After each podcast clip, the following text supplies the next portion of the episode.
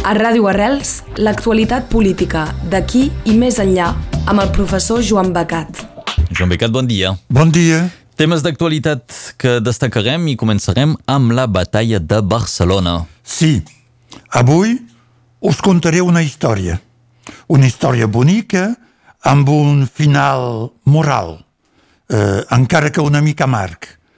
Eh, la batalla de Barcelona, això és el títol, la batalla de Barcelona serà guanyada per les tropes de Felip V més un, és a dir, Felip VI. Recordi que el primer, Felip V, era el net de Lluís XIV i l'avantpassat del rei Borbó actual. I aquest va guanyar la batalla i el setge de Barcelona l'any 1714, amb l'ajuda de les tropes franceses i dels botiflers. Els botiflers eren els catalans partidaris de la monarquia borbònica, és a dir, els traïdors a la terra i a la pàtria, com deien. Van ser, doncs, còmplices, aquests botiflers, de la terrible repressió que se va desencadenar a Llavontes després del 1714 i, és clar, se van aprofitar de les nominacions a llocs destacats i sucoso. La superbona mon general, diuen a França. El nom de botifler seria una deformació de beauté fleur, és a dir, la flor de lliri que era l'escut dels Borbons. Jo veig un gran paral·lelisme amb avui dia, transposant, evidentment, el context i la gent, car, evidentment, encara no s'ha enterrat ningú al fossar de les Moreres, on van obrir tombes comunes per enterrar els defensors morts durant el setge de la ciutat de Barcelona i l'assalt de les tropes franceses i espanyoles. Encara que se pugui també transposar, si se vol, car les tropes actuals espanyoles, Ciutadans, Partido Popular i PSOE, els seus ajudants catalans de les milícies del 155, els botiflers, el senyor Jaume Colboni, antiindependentista del PSC, i les tropes franceses de Manuel Valls volen enterrar els presos polítics catalans en una presó que ells voldrien eterna. La història no se repeteix, però té de vegades embarbussaments com precisament ara. Prou al·lusions històriques i extrapolacions actuals. Parlem de la batalla per l'Ajuntament de Barcelona del 2019. Com tota gran Bretanya, batalla, té grans ofensives i contraofensives. Aquesta n'ha tingut tres, de signe contrari. La primera ofensiva va ser l'operació Valls, del 2018 i 2019.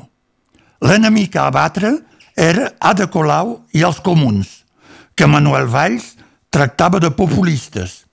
Atacava la inseguretat que deien propagar, la incompetència, el perill econòmic que representava. Aquí toquem al fons de la qüestió. L'operació Valls era suscitada i controlada per un grup de grans fortunes barcelonines i proespanyoles, que eren espantades de veure Ada Colau encara quatre anys com a alcaldessa i eh, destruir l'economia de Barcelona. L'independentisme també era atacat per Valls, però no se creia que podien guanyar.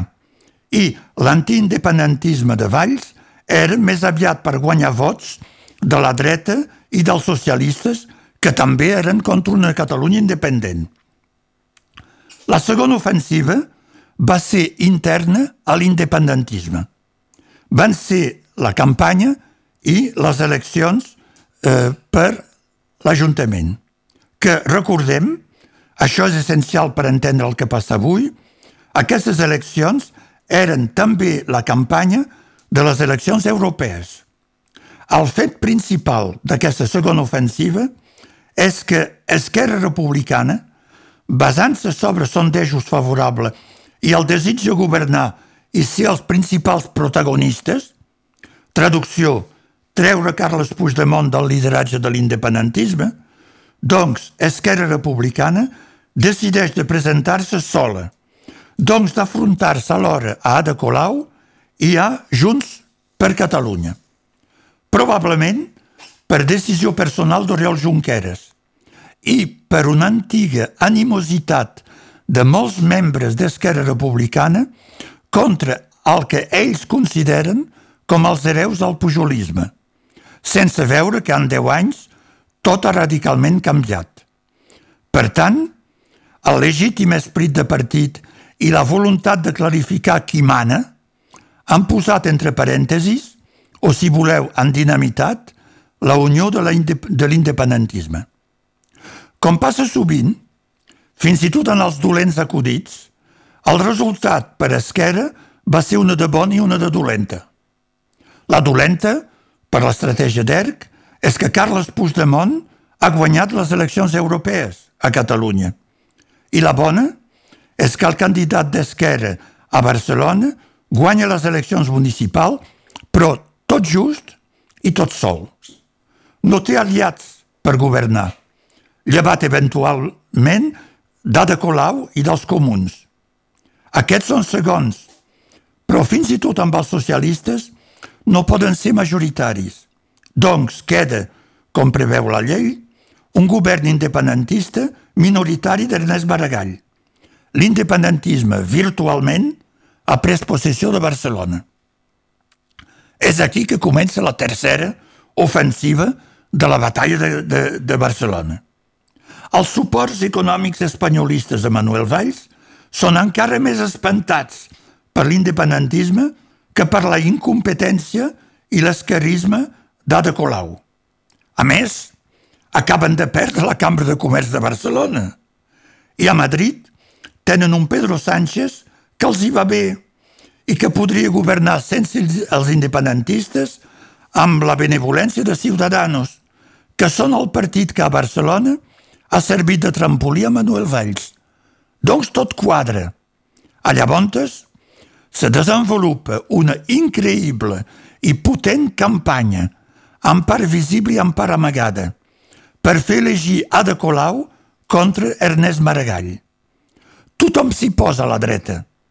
Trucades de tot arreu a Ada Colau, de Barcelona, dels socialistes de Miquel Iceta, a qui Esquerra Republicana acaba de refusar que presideixi el Senat espanyol i que es vol revenjar, i de Jaume Colboni, que els representa a Barcelona, i dels mitjans econòmics, etc etc. I diuen, tu ets la més vella, tu ets la més competent, t'han robat l'alcaldia, t'has de sacrificar pel bé de la ciutat, posa't una pinça al nas per no sentir de l'olor de la dreta més dura i accepta els seus vots. En efecte, durant aquests dies, Manuel Valls declara públicament que votarà per Ada Colau, gratuïtament, sense contrapartides, només per evitar que hi hagi un alcalde independentista a Barcelona. El pobre Ernest Maragall intenta una contraofensiva, però no té gaire municions. Per arribar a la majoria, proposa un govern municipal d'ERC i dels comuns ell d'alcalde i el suport extern de Junts pel Cat. Ada Colau no vol, car Junts per Cat són de dretes. Noteu bé el motiu. No els vol perquè són de dretes. És veritat que són de dreta, però és una dreta moderada. Dirien centristes a França. I són independentistes. Maragall queda doncs tot sol. I Ada Colau pot triar i negocia alhora amb Esquerra Republicana i al mateix temps amb els socialistes de Jaume Collboni. Però aquest, que ha fet campanya contra l'independentisme, per convicció com per no perdre vots cap a Manuel Valls, diu que serà o ell o Maragall, però que mai farà aliança amb l'independentisme. La contraofensiva de Maragall ha fet figa. Comença llavors la darrera jugada. Ada Colau diu que serà candidata i que vol ser alcaldessa amb Maragall de segon i els socialistes, tot i que sap que és impossible. Suprema hipocrisia i jugada bruta. Sap ella que si se presenta, Valls la votarà, que li demani o no, i que, per tant, és segur que serà elegida. No ha volgut el suport extern dels moderats de Junt per Cat i accepta de fet, els de la dreta extrema de Ciutadanos. A quin estem? Hipòtesis. Ara que Ada Colau diu que se presentava, per Maragall i Esquerra Republicana li queden dues solucions. I veieu tres. La primera és que se quedarà a l'oposició i se veurà raptar la seva victòria.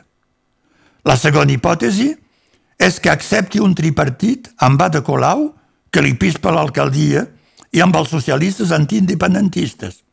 Si ho fa, serà cornut, cocu i pagarà el ball. A més, si ho fa, crec que s'acabarà l'aliança Esquerra Junts pel Cat a la Generalitat. La tercera possible és que pacti amb Ada Colau que seran alcalde dos anys cada un i a veure si ho accepta. De tota manera hi deixa plumes. Qualsevol història té una moral.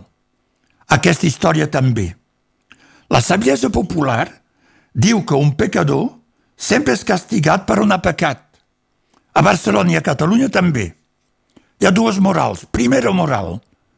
La jugada de fer cavaller seul d'Esquerra Republicana li haurà patat al nas si Ada Colau és elegida.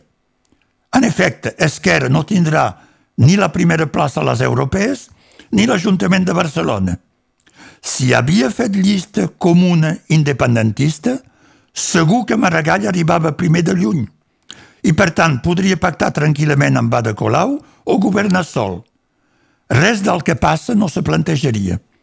Segona moral, pot semblar injust a molta gent que el primer sigui desplaçat pels segons i tercers que s'alien contra ell. Me, Esquerra Republicana mateixa ho ha fet dos cops des de l'any 2000. Dues vegades Artur Mas va arribar primer a les eleccions autonòmiques i dues vegades és Esquerra Republicana que el va fer fora per l'animositat personal del seu líder, Josep Lluís Carot Rovira. Se va fer un tripartit amb els socialistes i Iniciativa Verds, que són ara amb l'Ada Colau. Tot es repeteix. Van governar Pasqual Maragall i després José Montilla. Que passi el mateix ara al detriment d'Esquerra Republicana sembla una justícia immanent que castiga ERC per on ha pecat. Evidentment, si no hi ha una última sorpresa, el 15 de juny, on s'elegirà l'alcalde o l'alcaldessa de Barcelona. Anirem seguint ben, ben segur aquesta actualitat. Volem dir un mot uh, per mm. acabar, un mot curt sobre el judici. Sí, dos dies molt tristos, molt tristos. La setmana s'havien fet les al·legacions al Parlament, les plaidoiries de les acusacions eh, i els fiscals han mantingut eh, totes la, les culpes i eh, les demandes de penes, eh, amb algunes coses eh, que són eh, xocants, perquè diuen que hi ha hagut violència. Hi ha hagut violència fins i tot sense violència. La presència de gent pacífica per ells era una violència. I la de la policia? Doncs és culpa dels acusats i de la gent, segons aquests fiscals, perquè si no hagués passat res, no hi hauria repressió. Increïble. Qui rep i no se defensa és culpable de la violència dels qui els pica.